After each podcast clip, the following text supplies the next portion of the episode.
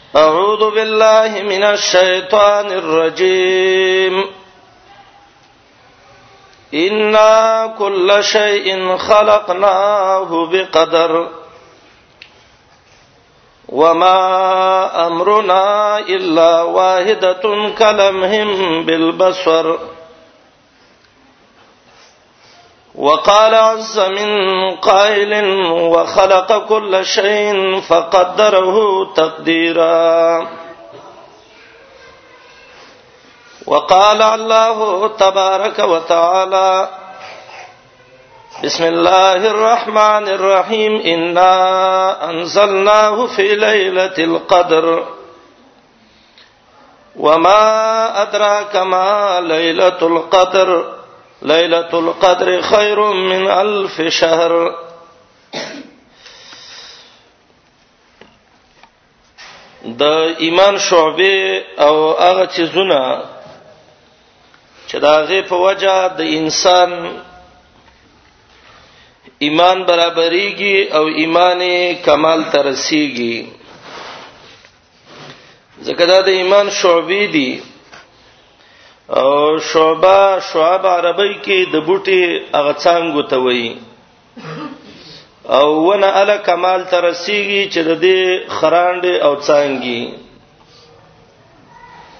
او د دې ایمان مثال سورته ابراهیم کې الله د یو ونه سور کړی دی چې دونه مضبوطه وي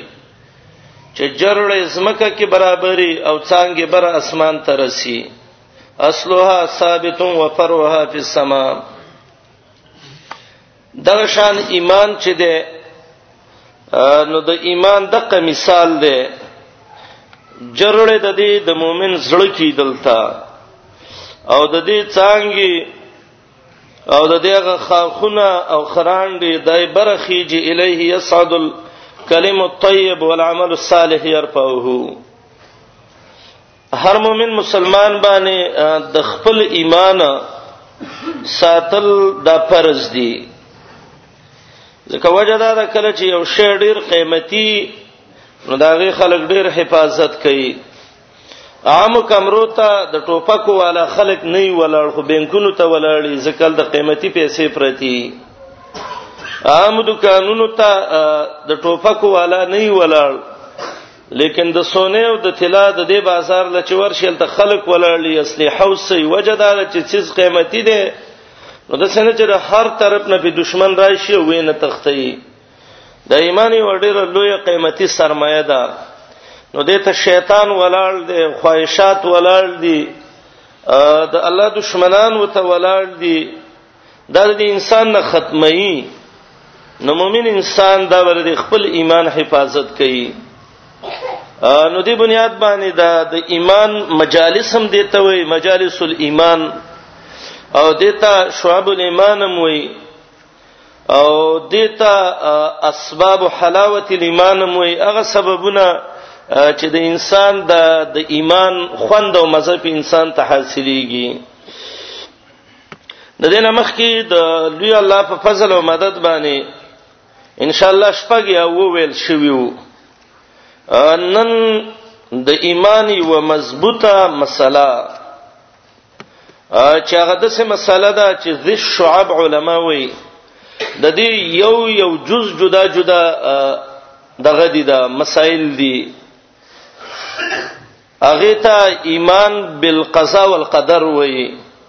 د الله په فیصلو او د الله په تقدیر باندې ایمان لرل زمورونو دا خبره خو مونږه ډیره یادو چې مونږه به بس تقدیر کې به لیکلی وو د الله قضا به خدا ګور ډیره جوړه مسله ده او دې باندې د ځان پویا کول دا ډېر جوړ معلومات لري موږ څه واړه طالبان یو یو څو خبره بد الله په فضل داغه علماو د کتابونو نو کو چې کوم د باب کې ډېر پویا خلکو دغه مستقل مستقل کتابونه خلکو لیکلي دي شیخ الاسلام ابن قیم په کې درې جزء کې کتاب لیکل دی شفاء العلیل په مسائل القضاء والقدر دارنګي د منهاج السنه شیخ الاسلام لیکل دا د خسته خسته کتابونه د موضوع باندې علما لیکلي دي الشریعه جوړی لیکل دا د مسائل لیکلي کې د بهترینه موضوع ده او د دې د جزئیات جزئیات مانون دي چټ باندې لیکلي دي او دغه په پیدا ده چې دا بعضي بعضي ضروری نو کله سړی ذهن نه وځي نو زه ته اشاره کوم چې دا خبره دلته ضروری ده دا ضروری ده دا ضروری ده او الله دې ته ما تاسو ټول ته خیر ورسي ولاندې په مسله باندې پوي کی د سنز مورونو چې کله سړی ګناه کوي او په ګناه کې سړی غیته نیکی وای نو است تباہ او برباد شي انسان چې کله ګناه ته ګناه وای او دا وپیجنی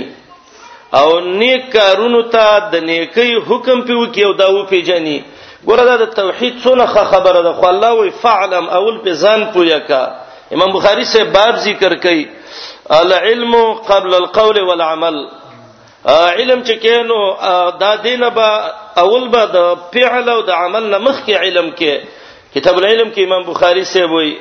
او دې کې به شرم هم نکو ځکه د عمر ابن الخطاب رضی الله عنه روایت ده وای تفقهو قبل ان تسودوا د بډاوالي نه مخکې علم یاد کړي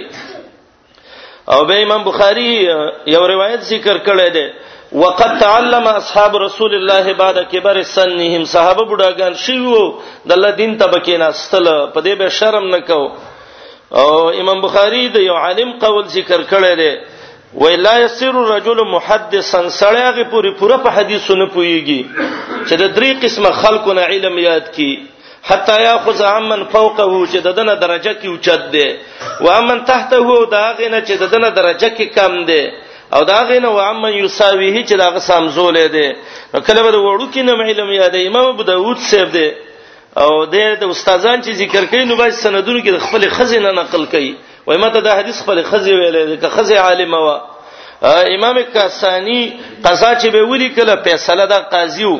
نو دا غلور وو په قران او حدیث ډیر خپوي دا غي ته ویل بچی تی وګوره که څه غلطی کې نو ماته په ګوته باندې کا د څخه خلکو امام ابن حجر بارک راضی چې د 202 او استادانو تقریبا اتیا دي کې زنانه وی چې امام ابن حجر د مشهور عالم چې دا دا غنه یاد کړیو دې کې به علم ته نه ګوري چې ما ته دا خبره څوک کوي اوس کته چې دې ته وګوري چې دا وړو کې طالب ما ته لګې دی نو بیا به تاسو ضرور شیطان دې زړه کې یو څه راچي نو د سیمه وی وی کدا وړو کې طالب دی او کدا غټ دی او کزمنګ امزول دی او کار څنګه دی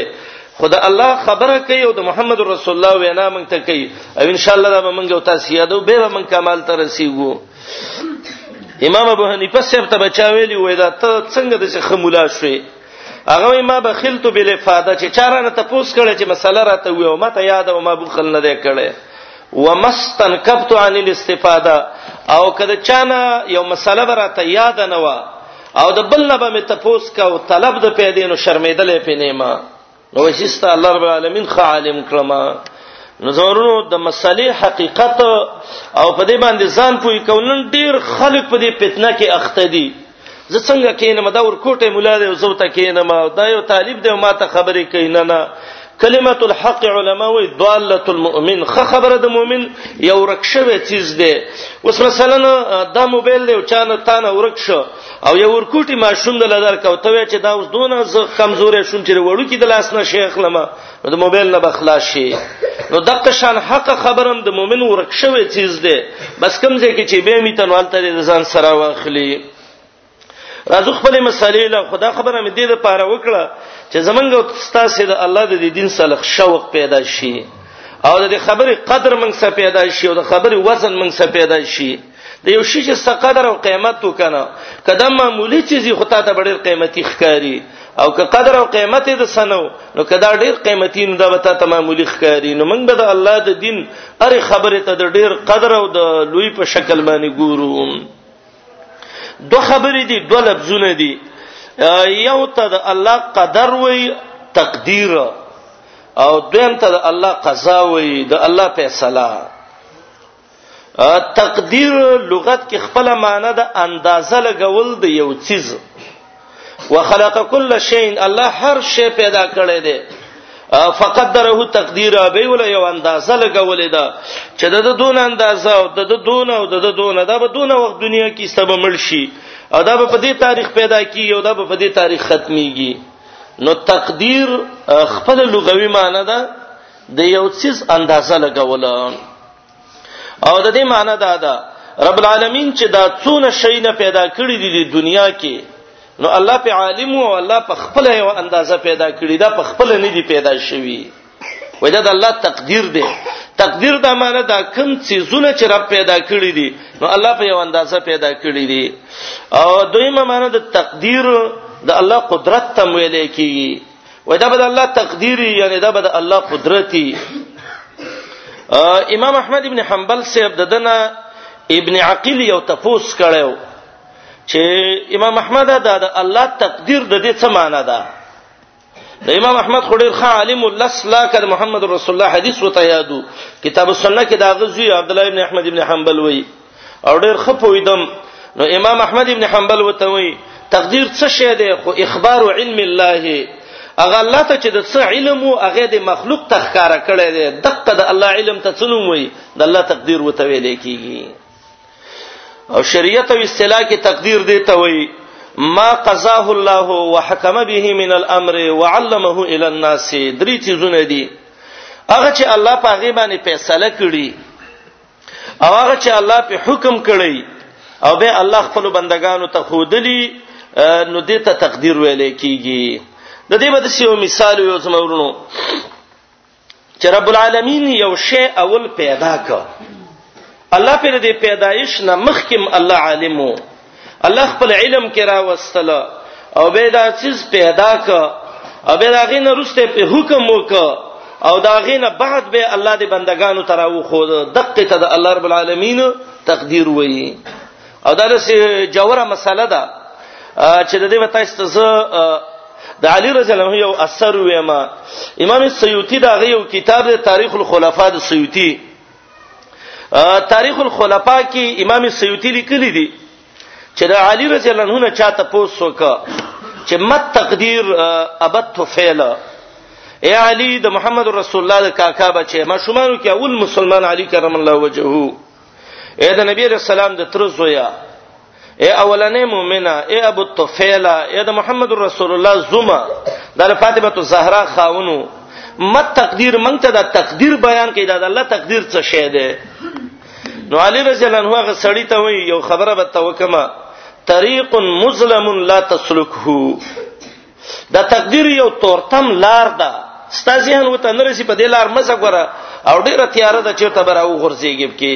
یعنی د سینې چې تقدیر مسله شروع کی او ایمان دې خطا نشي سید په څوک پوی نه کی یادې پوی کی ته پوی نه شي نو ایسته مثلا نه غلطه لاړ شي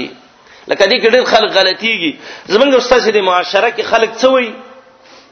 کوته وی چې لکه دا به تقضا او قدر تقدیر کې لیکلیو نو بعضی جاهلان به کړي سوی تقدیر خو کتکل اخر دی بس چې څه پکې هغه پکې دا ګور څونه کفري خبره ده تقدیر څه شي ته وای د الله علم ته د الله فیصله ته د الله حکم ته نو چې د الله علم ته سړی خرو وي علم د الله صفت دی نو ستاسو څخه لا سړی د ایمان نه به وځي کنه وځي نو ځکه علی رضی الله عنه ته وی چې هغه طریق مظلم لا تسلک دا ډیره تورتم لار ده کې مزه بس ایمان پر راوړاو به به اخوا مذهب کې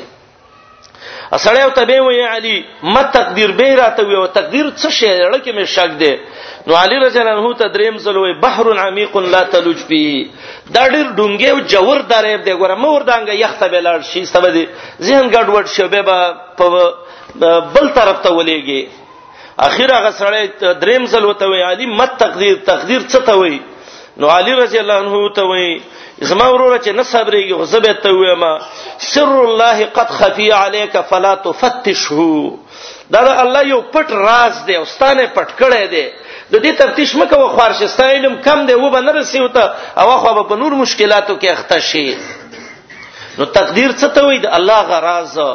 او د تقدیر کې د بعض خلک ډېر غوتی وایي ستور پسې شوی او د څه حتی ورسی چې د الله غ حکم غ بدل کی د دې وجه نه حدیث کې د تقدیر باره کې راغلیو نبی علیه الصلاۃ والسلام ازما د امت کې به یو شپږ قسم عذابونه راځي او شپږ قسمه خلق دي یلعنهم الله چې الله په لعنت کړي دي دا څوک دي یو پاغه کې ذالک بالمکذبین بالقدر دا خلق دي چې د الله تقدیر باندې دروغ وایي د الله تقدیر چې تکذیب کوي نو دی خلکو باندې به سبدسي چې شکل به الله وران کی زمکه به راخ کی د کانو باران به پیو کی خصب و مسخ و قصب حدیث کې راغلي دي رب العالمین به چا دا شکلونه وران کی لکه د داوود علی السلام د قوم نه خنجران او شادوغان جوړ کړل او د چا په زمکه باندې به راخ کې لکه په قارون چې راخ کو او په چا به الله د کانو باران وکي لکه قوم لوط باندې چې وک او دا په چا باندې ذالک فی المکذبین بالقدر دا چې څوک د الله تقدیر نه مني او دا غي نه منکر شي ځکه یو زمانہ کې یو ډله ورسته وېما هغه ته قدریه ویلې د الله د تقدیر نه منکر شو او محمد رسول الله علیه الصلاۃ والسلام وی چې یو سړی په دې ایمان نه لري چې د الله د طرف نه د خیر او د شر اندازه د الله د خوانه ده او ومات علی ذالک د وحب روایت ده او په دې باندې به مړ شنو د خلن نار ایستبه الله جهنم ته نه باسي چې ترڅو د عقیده نه ساتلی چې د خیر او د شر اندازه د الله د خوانه ده عباده ابن صامت رضی الله عنه یو ځل خپل بچی ته نصیحت کاوه هغه به د منکرین قدر سره ناسو وتوی بنیا لن تجد طعم الايمان زما زویا والله کده ایمان خوان چرې نشي به میتله حتا تؤمن بالقدر خیره و شره من الله ترڅو چې دا عقیده نه ده ساتلې چې د خیر او د شرع اندازه د الله د خوانه ده او به وته ویلو زما زویا د محمد رسول الله حدیث ته ولن تؤمن او چر مؤمن نشی کېده چې دا عقیده وساتي چې انما اصابک لم یکن لیخطئک هغه چې تا ته الله لیکلی چې تا ته برسیږي نو والله کته ته خطا شغه به تخام خارازي کې غم د ته لیکلی او که خوشحالي ته لیکلی دي وانما اخطأک لم یکن لیصيبک او هغه مصیبت چې الله ستانه واړی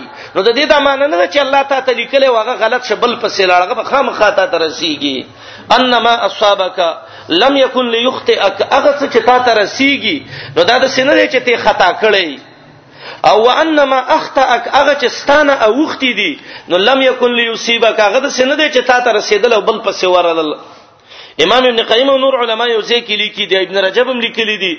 ابن حجر هم لیکلي دي اکثر علما و چې کله تابانه ډیر مصیبت راغی ازما ورونو دا یو دسې نسخه ده والله دا نه ډاکټرانو سرشته ده او نه په دکانونو کې خرڅيږي او نه بل صدر قران مجلسونو کې ده ادا د ځان سیاد ولري د څه کمزور او سپک او ته مګوري زکه ته مګوري چې دا الله د دین نه دا خبره مستنبط شوې ده ګوره تا باندې یو مصیبت راغی مثلا پنځه بچی دی او پنځه واړه مړ شو یا د پیسې لاړې او یا زخمی شولې او یا د یو چت باندې را وغورځید خو لنډه دا چې د یو درد د تور سره چې ستا هوش بالکل ختم ک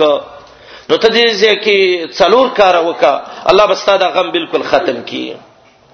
او کدا مصیبت د هر چای د طریقو ته ځخم نو وسته دی وخت کې مستعمل کی ان شاء الله زمنګ په الله یقین دی والله چې په 2 منټه کې الله ته د مصیبت ختمي یو پاغه کې دا ده چې دا به تعقیده وساتي چې ماته دا مصیبت رسیدلې ده نو زما الله په دې باندې عالم دی الله مینی بس الله را رسولې دی علم الله عليك دا الله علم پتا باندې او دویمه بدا عقیده وساتي چې زما الله په دې قادر وو چې دای مان لری کړي وي خو په دې قادر وو چې ماته را ورسو نو دې کې به ان شاء الله زما د دنیا او د آخرت خیری اگر که زه پاګې باندې نه پويګم دا څو خبرې شوې دوا او دریمه خبره به دا عقیده وساتي ذهن کې چې دا ماته کم مصیبت را رسیدلې ده نو الله ظالم نه دی دا به کې دې شي ما څخه په غلطه یې خو دا غي سزا براله را کوي او څلورمه خبره به دا وکړي چې زما رب ما ته قضا او قدر کې لیکلو بس الله غ فیصله درا ورسېدا نو زه ته زړه کې دا سوچ وکا چې ما باندې دا مصیبت راغله زما الله په معالم دی ما خینی او زما کمزورته او زما ارڅو ته معلوم دی او زما الله په ما قادرم دی چې تاوانی کړم او مصیبت زده کړم او غم زده کړم او زما رب العالمین چې دی چې دا ماته کم مصیبت را ورسو نو الله ظالم نه دی په یو یو بنده باندې د اویا مندو د رحم نه الله شفقت او رحمت ډیر دی خو کې دې شي په بما کسبت یې دی کوم دا زما څخه خطا شوی او بل خبره دا ده چې دا کوم مصیبت ما ته رسیدلې بس الله براته لیکلی او د الله لیک رسیږي او یو څلورمه پنځمه خبره او صدام مرګري کې دا د قران نه معلومیږي غدا ده چې سيجعل الله بعد عسر يسرا ان شاء الله نن مستخین دا تکلیف دی الله به سبا نه بل ورځ د مصیبت را خوشحالي راولي چې دا به زمانه یې کړی د دې وجه نه هغه بعضی پوی خلک په دې کافرو کې هغه دا ویلي وای والله چې موږ د مؤمنانو ته سخت تعجب کوو څنګه چې د دې سې یو د اطمینان زیشتره چې مصیبت ته ورسې وای الله براته لیکلی ودسه ازمنګ الله په موږ باندې ظلم نه کوي وای یا لیت لنا کز موږ د سوي د دهریو به ویلې او د یو ملجا مو زید ورتګ مو او دام یو امید په دغه ځای باندې ختمې ده چې بس الله بلی کلی وته نو ډیر بخوي وای وای مؤمنان په دې یو شی ډیر کامیاب دي که تکلیف ته ورسیږي وای بس قدر الله ما شاء فعل ما شاء الله کان وما لم يشاء لم يكن د الله فیصله ده بس الله چې څه لیکلیو هغه کیږي چې نه لیکلی به نه لیکلی او زمونږ الله په موږ سلام نه کوي کې دې شي غلطي بم کړی او بچي چې غلط وخزي کې پلار څه پیړه ور کوي کې دې شي الله مال د دې کرا کوي په دغه باندې نو دې کارونه باندې ان شاء الله ټول مصیبتونه سړی ختميږي زمورونو دا تقدیر د الله رب العالمین چې ده دغه شی چې د ایمان مستقل جز ده حدیث د جبرئیل کې راغلی وو چې جبرئیل د محمد رسول الله علیه السلام نه تپوس کړو اې د الله نبی اې محمد رسول الله علیه السلام ایمان څه ته وایي ما په دې ایمان پوي ک چې ایمان څه ته وای نو نبی علی السلام ته وای ان تؤمن بالله چې الله باندې ایمان وساتي ورسول د الله په پیغمبرانو ایمان وساتي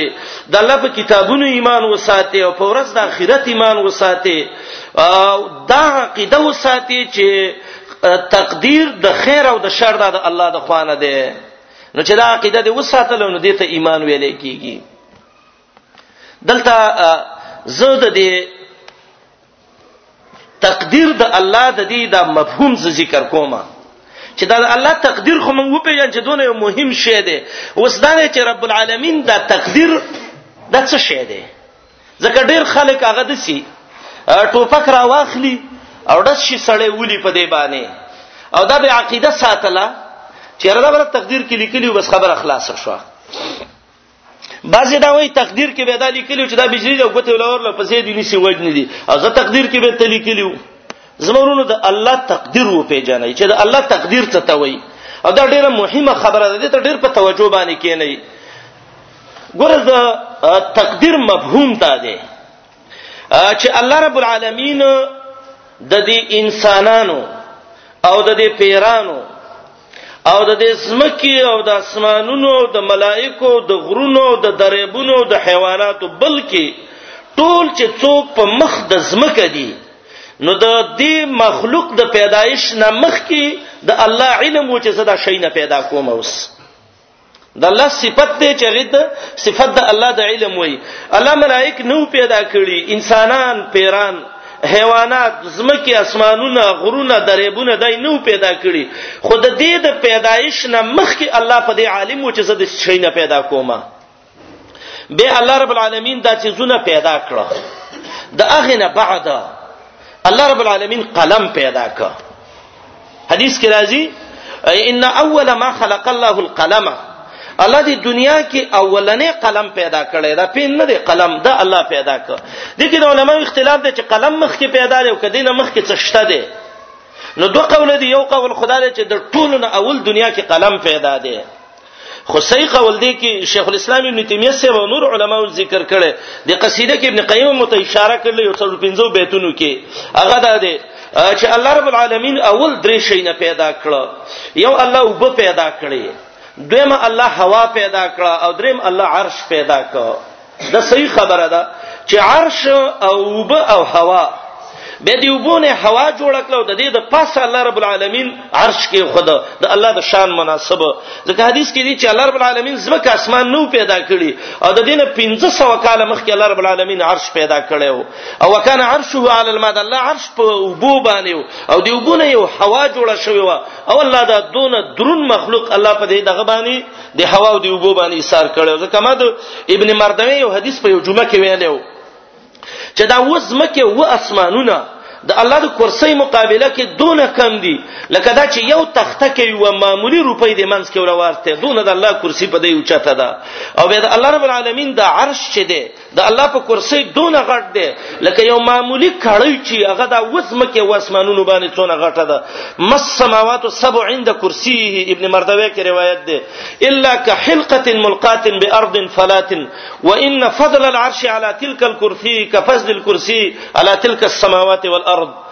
دا یو روایت د ابن مردوی دی نو زما ورونو چې دونه غټ مخلوق یا رب العالمین والله چې د سړی ذهن متحیران شي الله پیدا کو به په هوا او په وبو ودرو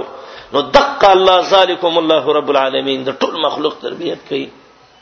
معلومیږي دا چې زمنګ د الله سره ډیر لوی علم او ډیر لوی قوت دی نو کله چې الله رب العالمین وای دا عرش پیدا کو هوا او دا اوبه پیدا کړي دا د ټولو نه الله مخکې پیدا کړی دی او به چې کله مخلوق پیدا کړو په مخلوق کې د نور مخلوق کې دنیا کې اولنې رب العالمین قلم پیدا کړ نو قلم په مخلوقات ثانویو کې اول پیدا دی او نور خ قولدار چې عرش او کرسی و ما عرش او با او هوا د مخ کې پیدا ده نو کله چې الله رب العالمین دا قلم دغه وخت کې پیدا کړ نو دا چیزونه خو الله رب العالمین ویلو پیران پیدا کوم او انسانان او زمکه او غرونه او پلانې او انسانانو کې پلانې پیدا کوم او د پلانې به دونه بچي او ملائک دونه پیدا کوم او پیران د څه پیدا کوم او د غر کې به دونه غټي او دا وبو به او دا ونی به دا ټول چیزونه الله رب العالمین دغه کړه دا پیدا کړه به الله رب العالمین د دینه بعد الله یې تختی چې هغه ته امام مبین قران ویلې سورته یاسین کې او دې ته لوح محفوظ ویلې شوې ده الله دې قلم ته ویلې اے قلم اکتب ولیکا لیکا وشابه نو دا قلم ته وای مکتوب یا رب الله څه ولي کما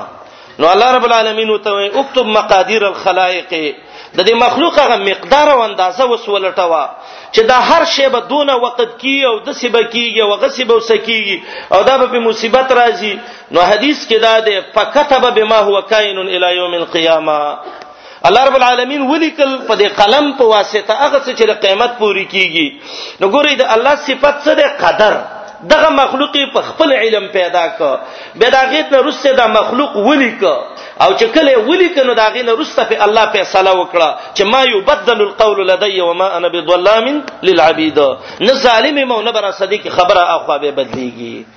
نو د الله قضا هغه د الله چې کوم مخلوق په خپل علم پیدا کړی دی او هغه په کتاب کې د قلم په واسطه لیکل او الله په فیصله کړی دا د ته د الله قضا وایي وای دا د الله په قضا او قدر باندې دی یعنی الله مخکې فیصله کړی دا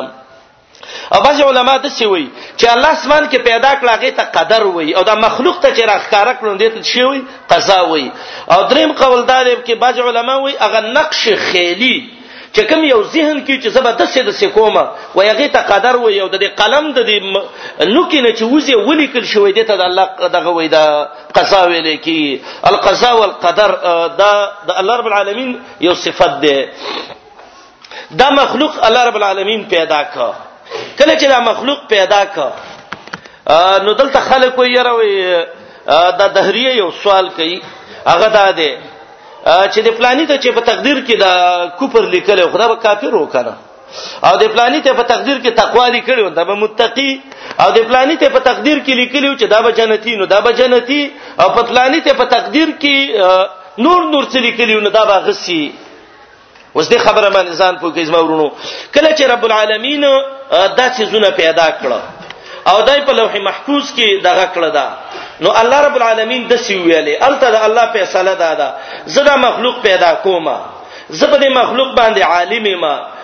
زده مخلوق ته پیغمبران لېګما زه د مخلوق له عقل ورکومه زه د مخلوق په یو فطرت سلیمی پیدا کومه د مخلوق ته د توحید د علم خیمه د ته د جنت لارم خیمه د ته د کوپر لارم خیمه او کدا یو ک نو بس دا به جنت ته زی او کدا یو ک نو دا به څه جهنم ته بزی د سینه دی چې الله په سر ډایرک فیصله وکړه الله ال ته دا وسویلی وګوره دا بنده پیدا کوم پیغمبرم ورلېګم کتابونه متلګم عقل ملور کوم فطرت مول برابروم دلایل د توحید او د سنت متخیمه د جنت لارې متخیم د جهنم لارې متخیم قران دې ته اشاره کړې د سورته بلد کې وهدیناه النجدین الله رب العالمین وتعالى دواړه لارې خودلې وي به الله رب العالمین د خپل علم مناسبه الله ته خود دې علم دی چې دا به اینده کې د سکیږي د سبا کیږي لکه دې یو سوچ تاسو وکي یو انجنیر دې د یو نقشه واچلا چې دا یو لس چته بلډینګ جوړوم او په دې نقشه کې دا جوړ کړیو نقشه لا جوړه نه ده او دوی ویل چې لکه دې په لسم چت باندې بدا چیز راځي نو ته خدا غ خپل علم مخ اظهار وک د قشان الله دا مخلوق پیدا ک او الله ویلو پیغمبران لګم او دا مخلوق برا پیدا شي او پلانې په پلاني وخ راځي او پلانې په پلاني وخ او به رب العالمین دا غ خپل علم اظهار وک چې زما دا پلانې بنده چې ما بوله اختیار مور کړی پیغمبر بم ورغړی دا بر پیغمبر ومني دا پلانې به ونه مني نو په تقدیر کې چې لیکلي د دې دا معنی ده چې وای دته په تقدیر کې کفر لیکل نو دا خو مانند چې الله کافر کلک تړلې دی معنی دا ده دی باندې الله دا څونه چیزونه ورلېګلیو لیکن الله د خپل علم اظهار کوي چې دی باندې زما پیغمبر به نه مني د د په اختیار دلیل نه مني د جنت لار نه اختیار کوي نو دا کافر دی دا معنی نه د ورونو دي ګور ډیر خلک خطا کیږي او د دې یو خارجي او د درې مثال وایم به بس تاسو ذهن ان شاء الله دې باندې بالکل خلاص شي یو سړی دی هغه سړی د سې د سې یو تنگ لار ده و د خو نه وي کنه یو تنگ لار ده د دې لار په اخر سر کې یو جوور کوی دی او مثلا دې ځکه دا چې سیب ناس دی او چې دا ناس دی نو دلته یو ړون راغی دی اجي سیب دا سړی د دې مولای سیب د عالم دا ړون د لاس نه ونیو وته ویلې پیسېبو په دې لار مزه ولی که په دې لار لاړې دا لار اخوا تنګيږي تنګيږي دلته کوې ده ته اخوا دې خوانه شد نه خته ورغورځيږي او ملکيږي ګوره اغلی ولی سرزوري وکړو زه خپل کار کوا لاړ لاړ چډب شي ته سړی ورغورځي د مرش سوال دې سړی جنازې له خلک رال نو دا خلک به څه وي چې دا دې پلاني دي چې د لاس نه نیولیو هغه ملک کنا کدا غدا وینا د کمال حسابي دا خو کمال حسابي ګوردونه خیر خوا سره خو خبره ولونه مل د چوته دا ویلو چې زما د علم د کورشي التبته ملکیږي نو دا خو معنی نه چې دا د ملک کني دا خو د اسباب د مرګ مستعمل کنه ورغه ولا بلون راغه هغه ته ویل چې دغه د مسا الته دغه د الله باندې کندر ور غورځيږي مړ بشي هغه ویل الله دې احسان وکړي زه خړوندې ما ته بل لار وخه هغه لار په هغه تر بچ شو او دا بل ور غورځي اوس دا چې مړ شدا یو او دا یو چې بچ شو نو دا دې سړی مړ کړه او د بچ کړه کنه دا ته لار و خودله د دغه خپل علم اظهار وکړي چې آینده کې به څه کیږي د د سبا د سي طریقه کیږي یا یو پوی ګلکار دی هغه چراغ یو دیوال چا کړی دی ویل کدی باندې څو چتا باندې دی وای پنځه چتا وای وردا چتونه بکاږي لکه راول نه خخته غلطه خودل شوې ده دا خپل علم اظهار او ک بلډینګ پنځه چاته ته ورسېد الټاو دسي نو دا به خلک دسي وای چې هغه پلانې ډېر سپیرو خله سپیرو خوځوله یا دا بلډینګ ولاغه کو کنه دا دغه کمال حسابي ګورغه دونه کامل سړیو چې څیز لا پیدا شوه نو خپل علم په وچلو هغه دغه شو دغه شان الله دا مخلوق پیدا ک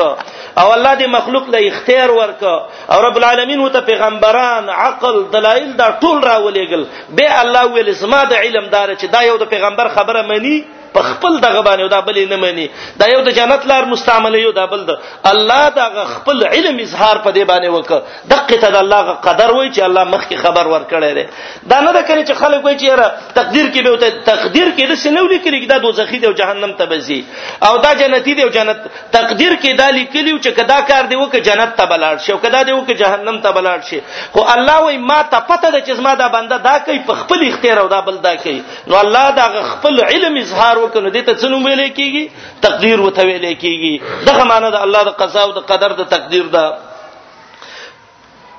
او د دې یو دویمه قاعده د تقدیر کې یاده کړي د سبب ایمان ډیر ښه جوړ شي هغه دار چې دا تقدیر بل اسباب دی تقدیر په څه شی باندې دی بل اسباب دی تقدیر بل اسباب دا معنی دا انسان چې رب العالمین په یو فیصله کوي مثلا چې دا به جنت ته ځي ځکه د جنت کارونه کوي او دا جهنم ته ځي ځکه د جهنم کارونه کوي نو دا الله رب العالمین د سینه د کړي کین چې دا به خامخا دا کار کوي الله رب العالمین اسباب لکتلی دي اول ته تقدیر کې لیکلیو کدا کار دی وک مثلا دا اسباب د جنت دي جنت ته بځي دا اسباب د جهنم دي څه شي ته بځي جهنم ته بځي نو هغه اسباب چې کله مستعمل کی نو به دا انسان د هغه په مناسبت باندې زی د دې خارج کې د یو مثال دا امام ابن قیم ذکر کړو ډېر خسته مثال ذکر کړی دی یو سړی اوس دی هغه وای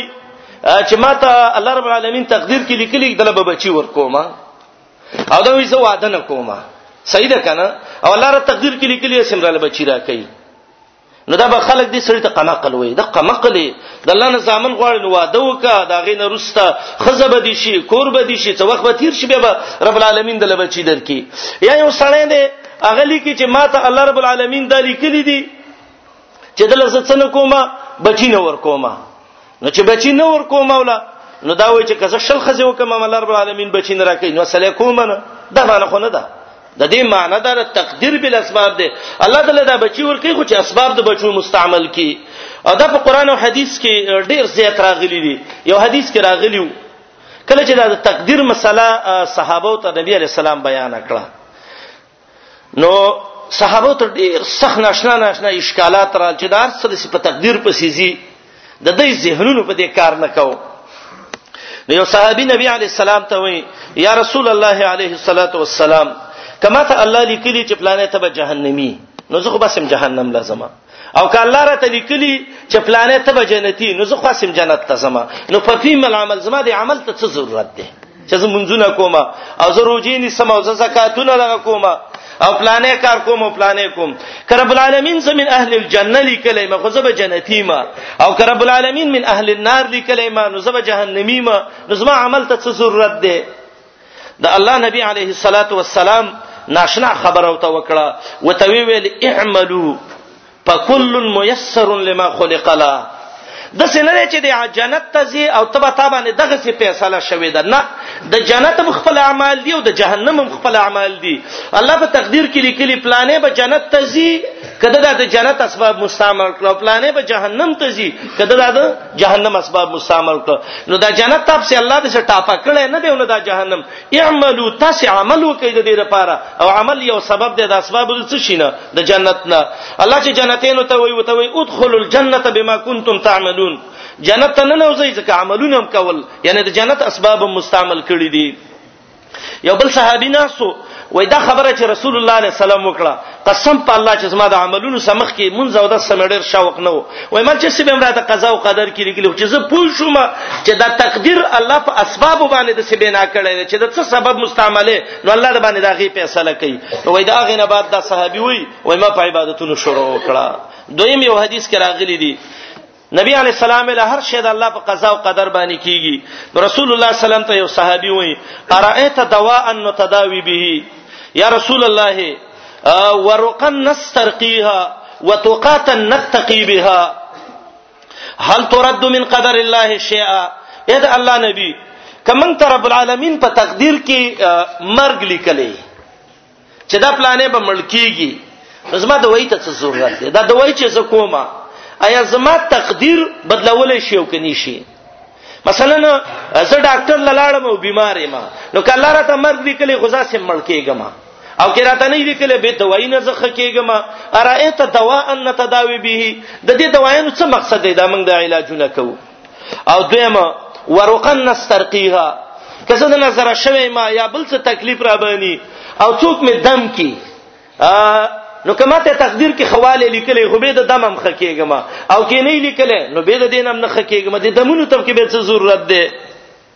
او درې مې ویلې وتوقات نتقیها د دشمن نزان په اصله باندې بچ کوما نو کما ته لیکلی چې دا به د دشمن نه ملکیږي نو زبا سم ملکیږم او کني لیکلی نو زبا سم بچ کیږم نو زما دا ټوپک ګرځاوله حفاظت د ځان او زما دا دوايي کوله او دې ځان د مولا هل ترد من قدر الله یا هل هي من قدر الله دا د الله د تقدیر کې څه دغه راولي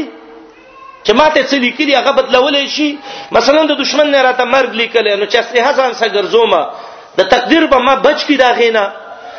زه بیمار شوم او دوايي مستعمل کما نو زما غ مرګ به بچ کی دا نو محمد رسول الله خو ډیرو خیر سړیو نو نبی علی السلام ته یورو رهیه من قدر الله دام د الله تقدیر دی دام د الله تقدیر دی سمانه الله تقدیر کې د سلی کلی دا پلانې دی کله دوايي مستعمل کړه پلانې پلانې دوايي نو تقدیر کې دالي چې الله به وسخه کی او دایم لیکلي کې مستعمل نه کړه مړ بشي دارنګ تقدیر کې صدام لیکلي مثلا ځان په اذکار شرعیه او دم کو نو الله به دې مصیبتونو نه خلاص کی الله به له جون ورکی او کدم نه ک نو دم تقدیر کې چې په بل طرف استعمال بشي دارنګه دا دشمن وسناس دی لار کې دا ولي خو چې دی وګوري چې د دسه اصلي هڅ شې شته دی نو هغه تی سروست شي نو تقدیر کې دام لیکلي دغه کې به دا بچ شي او که څو سنې په سره پاتېږي ولي نو تقدیر کې دام لیکلي دي که سبب مستعمل کی الله بوله دا عمر څه کی وګد کی او که سبب مستعمل نه کی نو هغه به الله د عمر را دغه کی نو نبی علی السلام متذکر وی هي من قدر الله دام څه شه دی در رب العالمین د تقدیر نه دی او د دین یو ناشنا واقعیا بخاری کی ذکر ده عمر ابن الخطاب رضی الله عنه بخاری کی روایت دی چې شام ته تلیو شام کې علاقه او جابیه علاقه او توي ال تلاړو جهاد وکاو او کله چې د شام جهاد تلاړ جابیه ته د عمر رضی الله عنه دغه وخت کې ابو عبیده ابن الجراح رضی الله عنه او دا ډېر جلیل القدر صحابي او هغه صحابي چې په بدر کې خپل پلار وجل او د الله د محبت د وجنا کافر و په سر باندې وو د چورل ناشنا کار وشو الته ایست جابیه کلی کې وبا مرز ولګید طاعون مرز ولګید بس څه په سونو سونو خلک وجل دا صحابه راجم شوې راځي دغه کودا د دې کې اوس مشوره کو چې ورزو مخ کې کنه د سینه کافر به مړ کې او مرز به مړ کې څه چلو کو یاره حدیث دې مسکینان ته دلته نو معلوم دی وخت کې عمر بن الخطاب را جمع ک نو پس یو صحابي ویلې ورزو جنگ کو که تقدیر کې مونږ ته مرګ لیکل او مړ به شو او که تقدیر کې مونږ ته مرګ نه لیکل نو مونږ نه مړ کیږو با ورزو بل صحابي ویلې چې نه دا تقدیر کې ته است مرګ دشمن بم وجنه او کنه د الله بندگان دلته مړ کیږي وسه مو ورځي د کې د عمر ابن الخطاب رضی الله عنه نظرم دا چې د زیل نه ورزو ځکه وبا مرز لګیدلې دي انو یا خو هغه د الله دشمنان دي په خپل به الله په وبا مړ کی او دویم د سینه چې منګو سمړنه شو عمر رضی الله ویل نو ورسما دلته د غرا پات سره ابو عبیده ابن الجراح وتوي افرارا من قدر الله یا امیر المؤمنین عمر ابن الخطاب اے عمر ابن الخطاب د الله د تقدیر نه تختیدونه سره ور سره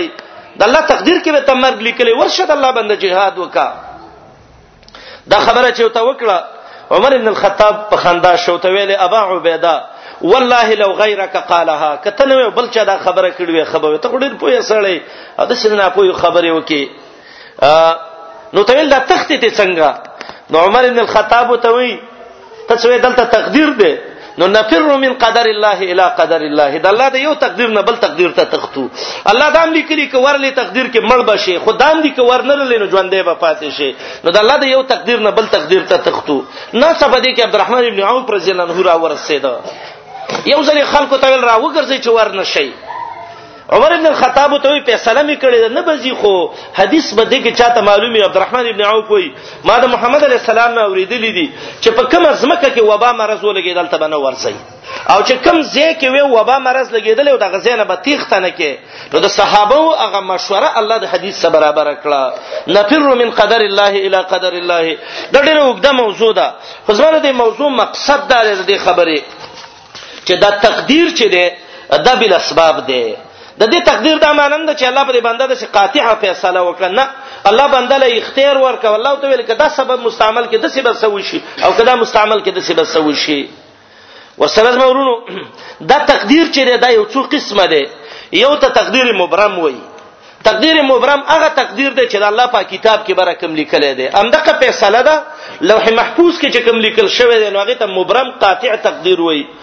او دیم تقدیر دی چې هغه ته تقدیر معلق وایي تقدیر معلق دی ته وایي الله په یو کار پورې معلق کړی دی مثلا تقدیر کې داری کې دی بجلی لدی له ګوتې ور وړي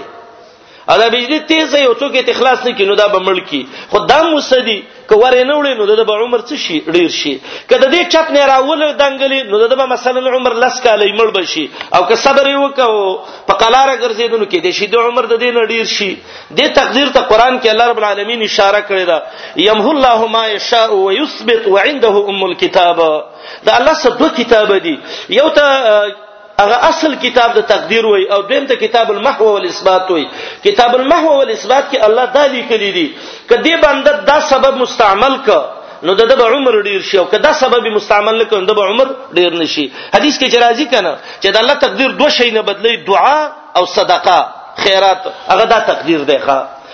چې دې ته تقدیر معلق وي او دریم ته التقدیر په بطن الام وي دا یو بل قسم تقدیر دی چې د مور په ګډه کې انساني حدیث کې دا انسان د مور په ګډه کې څولې خورځې نطفه به دا غین رسته څولې خورځې رحم کې دا ویني به دا غین رسته څولې خورځې یو کرپندې مزغه د غوخه ته جوړ شي او دا غینه بعد به د څلور چیزونه ولیکل شي چې روح پکې پوک شي یو د اجل وو چې څونه وخت دنیا کې تیرایي چې غلا بر لیکلی چې دا دا بدونه وخی نو غوله ولي کی رزق ولا ولي کی او دا ولا ولي کی چې السقي شقي نام سعید دا به دنیا ته نیک بخت راځي او که دنیا ته بد شي راځي بد بخت راځي هغه الله چې د خپل علم مناسب کومه فیصله اسمان کې لیکلی د د احوالو نو غوله دلته لیکي نو دې ته ویل کی تقدیر په بطن الامه او یو څلورم قسم تقدیر دی چې هغه ته تقدیر سنوي ویل کیږي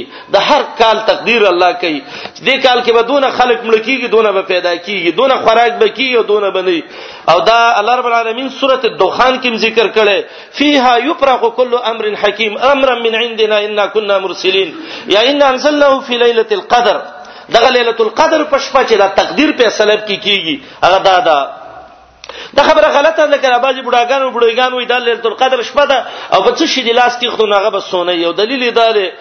چې بډای غواله شلو د یو توت واغه نسکور پروتو هغه په سدا سخه په سې وتاړه او سار له چوکتا غم زوړن وبره به سوچو کې دا څه چل شوی وای د ليله القدر شپه مې رانی ولیدا دا څه د دروغ دي د دروغ قصې خلکو دغه کړی دي او عجیب خبره ده چې په څه د لاس کې خدای نو هغه به څه سونه شوی نو دا کټ دی په دې باندې د لاس پراتی په دې ځمکه باندې لاس پراتی په انسان لاس پروتین د سونه شي کنه خدا خبره سره ځان نه خبرې دي دې ته تقدیر سنوي وي تقدیر مبرم تقدیر معلقه او تقدیر په بطن الام او تقدیر سنوي او یو بل قسم تقدیر دی چې هغه ته تقدیر یومي وي هر ورځ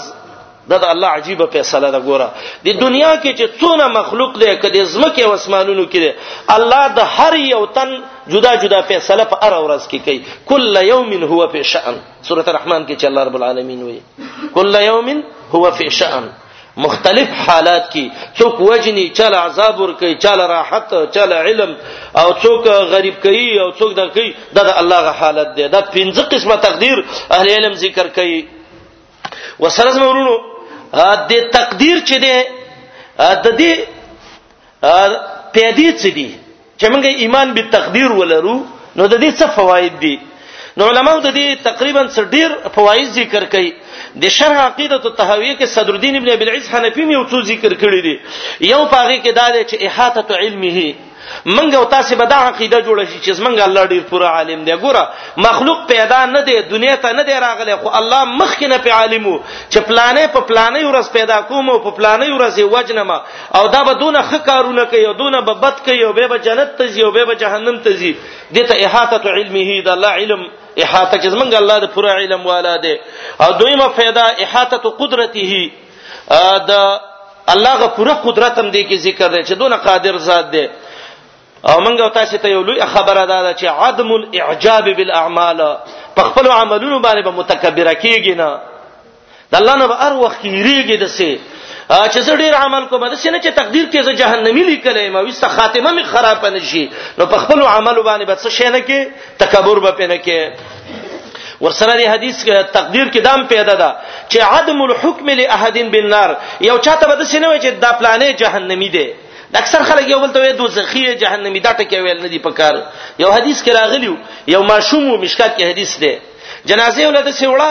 دا ولنی و خو عائشه رضی الله عنها وای زه د الله د نبی له سلام خواته ناستومه وای دی نبی علیہ السلام ما ویل چې توبه له هاذا عصفور من عصافیر الجنه لم يعمل السوء ولم يدركها دغه دی دا خوشحالي ده دی لا ورسم د جنت چن چن دی نه بد عمل کړي او نه د بد عمل وخت ته ورسېده وای ما ته نبی رسول الله مخ راوړو ما ته ویل او غیر ذالک یا عائش حدیث کې دوه درې معنی دی یو معنی ده عائشه دا بس پرې د نور څه شروع کا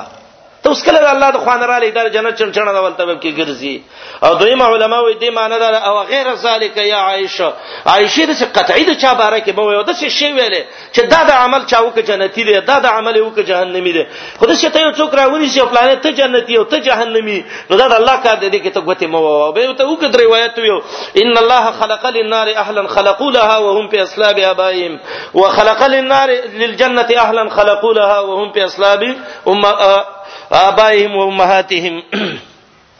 نو دویمه غڅل دریمه خبره تقدیر کې دا فائدہ د منګو تاسو ته چې چا باره کې به شخصي دانه ویو نو د څه بکو کنه سن چاته وي دوزخ یو دا خزر خبر ډیر کې دا دوزخ یې مخ دی ورکشه ته اوس د جهنم نه ران ته سره جهنم څوکیدار وي چې دا دی ویل دا نه نه عدم الحكم لاحد بالنار دا باندې او دا اسلام کې ډیره لویه ګناه ده تر دې چې اسلام د ایمان دون عزت ګوره د انسان بکې یو صحابي راغلی او په غزا کې دوه صحابه وو او نبی علی السلام لنګر د طالب دغه مجاهدینو لا په خوي موږ ته غوخه راوچو هغه تاسو خوړلې ده وای موږ خو والله راغلی مني څنګه د خوړل و دې غاخونو کې د غوخه پټیم د لزینه ما بس صحابه خو به د نبی علی السلام د خبرې سره ودرېدل وای څه چلم کړي وای تاسو دا غپلانی ورور غیبت وکا او غیبت هم دا وکا چې نو تاسو دا غوخي وخړلې نو هغه غوخي لبس نه کنو د نور غواګانو غوخو باندې څه کوي د انسان کچا غوخه ته پیدا شو دا صحابه ته موږ څه غیبت کړي د صحابه صرف دونه ټکی ویلو چې ان فلان نوامن د فلان ډیر خوبي دی او موږ او تاسو نن چې شروع کوز موږ دا جبي د تورو نتیری د ټول ورځ د خلکو عزتونو کې ګوتی وو او زنانو خويندو مندو کې دا مرز ډیر زیات دی وزګاری بلکاری نه او ستاسو یو باندې جرح شروع کې او پابلی شروع کې ټول ورځ په دې مردارو خبرو کې د سفیر جناب بارک عائشی او حبسه دون خبره کړې و چې حسبک من سفیه انها قصيره دا سفیه د ولې نړۍ لنډۍ ده لنډۍ استاد څونه خوخه ده نو نبی علی السلام ګوره دونه پلیته خبره موکړه لو مزجت بما البحر کدا د سمندر وبو ته ورواچوي نو بم بد بویا کوي او قران کې الله سوره الحجرات کې وایي وای چا چې چا غیبت کو نو دا د سیده لکه سړی وروري او مړی خلکو له تعزیل راځي او دا لګي د مالګه په غوخه چې یو خوري ول شو کې نو څونه به خلک بد وګڼي نو ورور مسلمان چې نشته او غایب دی خو مړ د تداغي عزت وساته د انسان بدون احترام کې تقدیر کې یو فایده دا ده چې چا باندې به شخصي دا دغه نه کې وخت هم د اجمالی غونته وایم او بل فایده تقدیر کې دا چې المبادره بالاعمال اعمالو کې به تیزی کې چې لکه د جنت اسباب مستعمل کوم چې تقدیر به جنت طرف ته راخي او بل هم کې دا ده چې الالتجاء الى الله ليكون من السعداء ار وخلات زاری کول چې الله نیک بختی او بدبختی الله دا تلی کې په بندب سي رب العالمین ما په نیک بختو کې ولي کې یا الله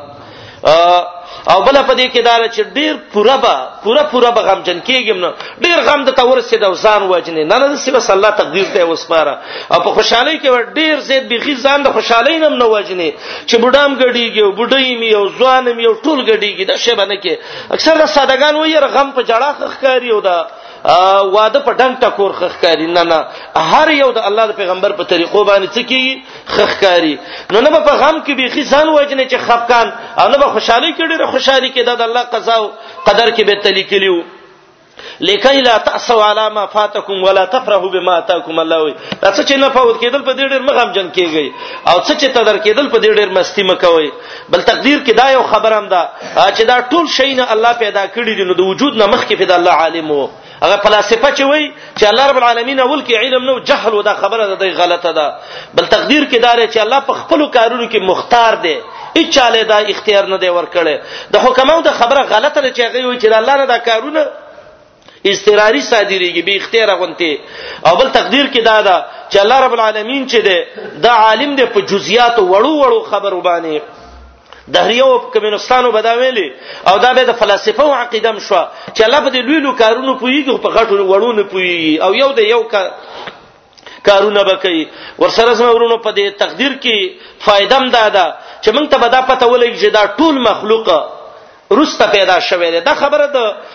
دهریانو د کمونستانو غلطه ده چې دا د ازل نه دغه سی وور روان دی ور روان دی و ما یحلکنا الا الدهر وغیره وغیره ذالک نور فوایدم پدې کې دي او د دې تقدیر کې به یو الله یو څو مرتبه ته خیال ساتي یو دا دا مرتبه به چې د الله علم د شینو د وجود نه مخکې الله په دې ټولو عالم وو او دویمه دا ده چې رب العالمین چې دا څه کارونه کړی دي نو دای د قلم په واسطه الله لیکلی دي او دریم دا چې دا څه کارونه کیږي نو د الله په مشیت کیږي و ما تشاؤون الا ان شاء الله او بل دا چې رب العالمین دا څه کارونه کوي نو الله رب العالمین ظالم نه دی پدې کې د څه خلکو چې د عالم کې یو فتنه یو ډله جوړه شوی و چې هغه به الله د تقدیر نه منکر وو بعض روایتو کې ته مجوس هذه الامه ویل شوې ده د دې امت مجوسین دي او د دې وجه دا و چې په بصره کې یو سړی پیدا شو چې د اغې نوم معبد الجوهنی او دا تقریبا بصره کې چې کله پیدا شو د معبد الجوهنی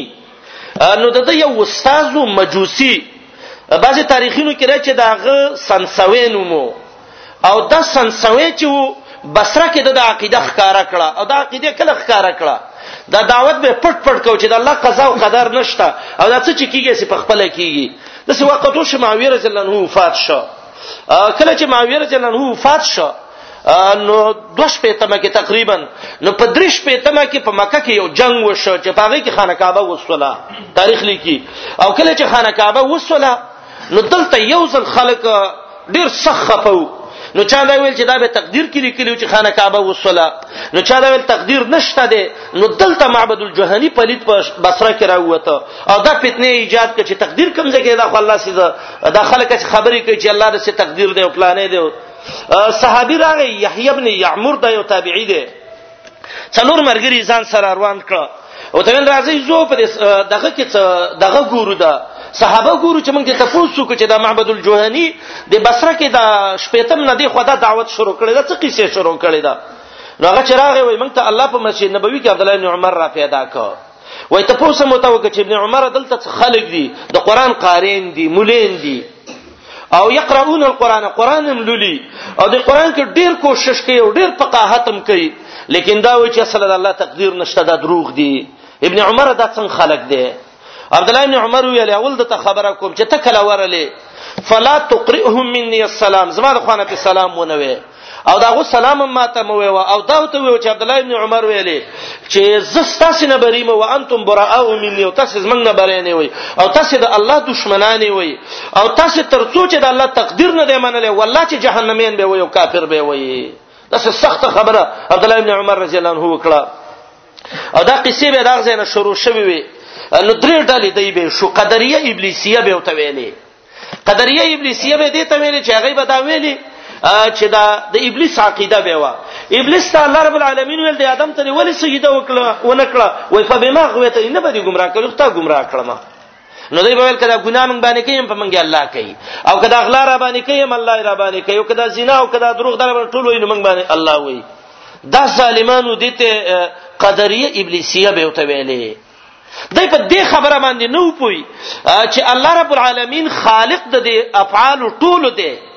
کله کله ګوره یو شی د شری یو جوړول یو استعمال لکه مثلا دی وخت راواله د کلاشینکوف راواله د کلاشینکوف جوړول چې یو سړی جوړ کی دا کمال دی لیکن ته داراله مومن په تول شر کار په کوه دا نقصان دی نو الله خالق د شر او د دواړو دی لیکن دا انسان له الله رب العالمین اختیار او ما تعملون الله رب العالمین وی تاسو دا کوم عملونه کوي نو دا قدریه ابلیسیه یو ډله دا پیدا شغه بل دار څه په موږ باندې څوک کوي الله رب العالمین کوي او یو دویم جماعت پیدا شو چې هغه به قدریه ابلیسیه نو هغه ته به قدریه مجوسیه ویلې هغه به ویلې دنیا کې دوه شی نه دي یو د ښه کارونه دي او یو بد کارونه دي دا ښه کارونه چې دي دا یزدان کوي یزدان به دی الله ته ویلې او دا غلط کارونه چې دا احرمن کوي احرمن به شیطان ته ویلې نو دا به ویل چې ټول کارونه الله نه کوي څه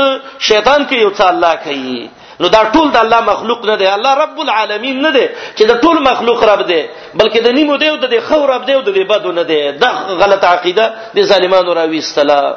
او دا د دې غفلیت عقیده وا معتزله را لغی ویل چې بس بنده چې داسې ګناه کارونه کوي او خه کوي د خپل خالق دی بنده خالق د خپل افعال دی جهمین را پاتې د غیول د الله صفاتونه نشته دی او دغه به ډیر د فتنې دا ور ډیره فتنه جوړه شو او یو دریم قسمو چې هغه ته قدریه ایسیه ویل قدریه شرکیه به متویله هغه به دا ویل کدا شرک کوو بس الله به خوشاله رب العالمین به خوشاله او دا فتنه ډیره زیاته شو رومي لیکلی وای زما کلی زمون کلی کې وای یو سړی وای هغه قدری وای د دې تقدیر نه منکرو او راغه یو باغ د یو زمیدار لا زمیدار ته ویلې اند څه لګې نه میوه را شو کوي وای زمیدار ته ډول را شو کوي وای چې سبا دا به راته قدر کې لیکلی زه خو مجبورې محض ما جبري ما او تقدیر کې به راته لیکلی نو الله زما د الله سونی سي او مې و پر او شو کوي او د خلک را لکی دی جام را لپې سو خوځي دا خو زه جبري ما قدر حق دی وستا مجبور محض ما په تقدیر باندې به خرمنو نو چې الله تقدیر کې راکې نو تیر راوړي نه غوې خره کار کوي ان شاء الله لاړو د لوچي یو غټ ډانګې پسې وکړه او دی ولو ته نه ونی او یو سل گزارې وو ابر امباړي ول ظالم وای بد خره باندې الله خوري غل ظالم الله دی وای چې ته مجبور خو سم مجبور یم کنه مال لور راک چې دا لخته وکلخته مې وکړه او د لاس کې زما الله دی ول غربې دی په ډبا الله درکې په نو ته الله وای الله چې دی وای زما غني کدیم نشي خلاصوله د قدرین او د مرداران دی به دا خبرې کوله دروغ به ویلې ګناه به کوله موږ دا کوو موږ هغه کوو او دا معبد جوهنی چې بصره کې دا پلیت پیدا شوی و الله رب العالمین دې دا هلاک او تباہ کی دا فتنه د جوړه کړې و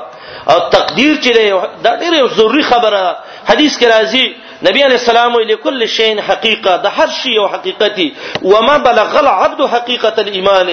او بنده د ایمان حقیقت ته نشي رسیدي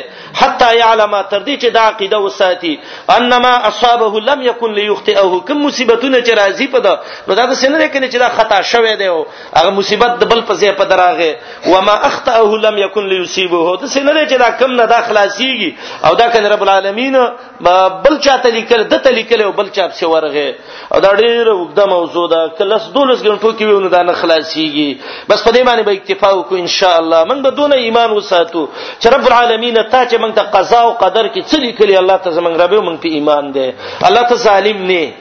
په موږ ظلم نه کې الله ته په موږ پويږي په موږ باندې قادر الله رب العالمین په موږ دې رحم هم ډیر دی الله که غلط کوو جهنم ته زموږ به غلط اسباب مستعمل کړي خو الله ته په موږ باندې ظلم نه کې آمنا بقضاء الله وقدره د الله په قضا او قدر زمونږ ایمان دی او په دې ایمان دی چې دا د خیر او د شر دا تقدیر دا ټول د الله رب العالمین د خوانه دی او الله دې زمونږ ایمانونه پوره کړي په دې باندې الله دې موږ نه مجوسیه ګرځي او نم دې قدریه ګرځي او نم دې نور ګرځي هغه خلکو نه دې موګرځي چې په حدیث د جبرئیل کې راغلیو چې مؤمنان ایمان هغه خلک دي چې الله مني ملائک مني رسولان مني کتابونه مني او عقیده د دې لري چې تقدیر د خیر او د شر د الله د خوانه دی منتو بالله کې من په خوا خلق ویلي امنت بالله وملائکته وکتبه ورسله واليوم الاخر والقدر خیره وشره من الله تعالی الله دې موږ صحیح مؤمنان جوړ کړي او الله دې موږ د ایمان په خوند او په مزه باندې پوهه کړي ان شاء الله آینده کې د ایمان یو ډیره مهمه شعبه ده چې هغه د ایمان بل یوم الاخره ویل کی اخرت لا ورتګ او په دې باندې ایمان او دا د ایمان ابتدا د ایمان بالله نه شروع ده او انتهای د ایمان بالاخره نه شروع ده او به دې ایمان بالاخره کې به د ایمان یو څلور شعبې دي د الله په فضل باندې ایمان په حشر او په میزان او په بل او په بل کچیر ته مرګ را مخ کې نشو جن موافقه وکړه ان شاء الله غو اینده درسونو کې وي الله دې زمونږ استاد ژوندونه په ایمان او په دین کې مستعمل کړي او الله دې موږ د ایمان په لذت او په خوان باندې پوي کړي وصلی الله علی نبینا محمد عبدك ورسولك جزاكم الله خير الجزاء وتقبل الله منا ومنكم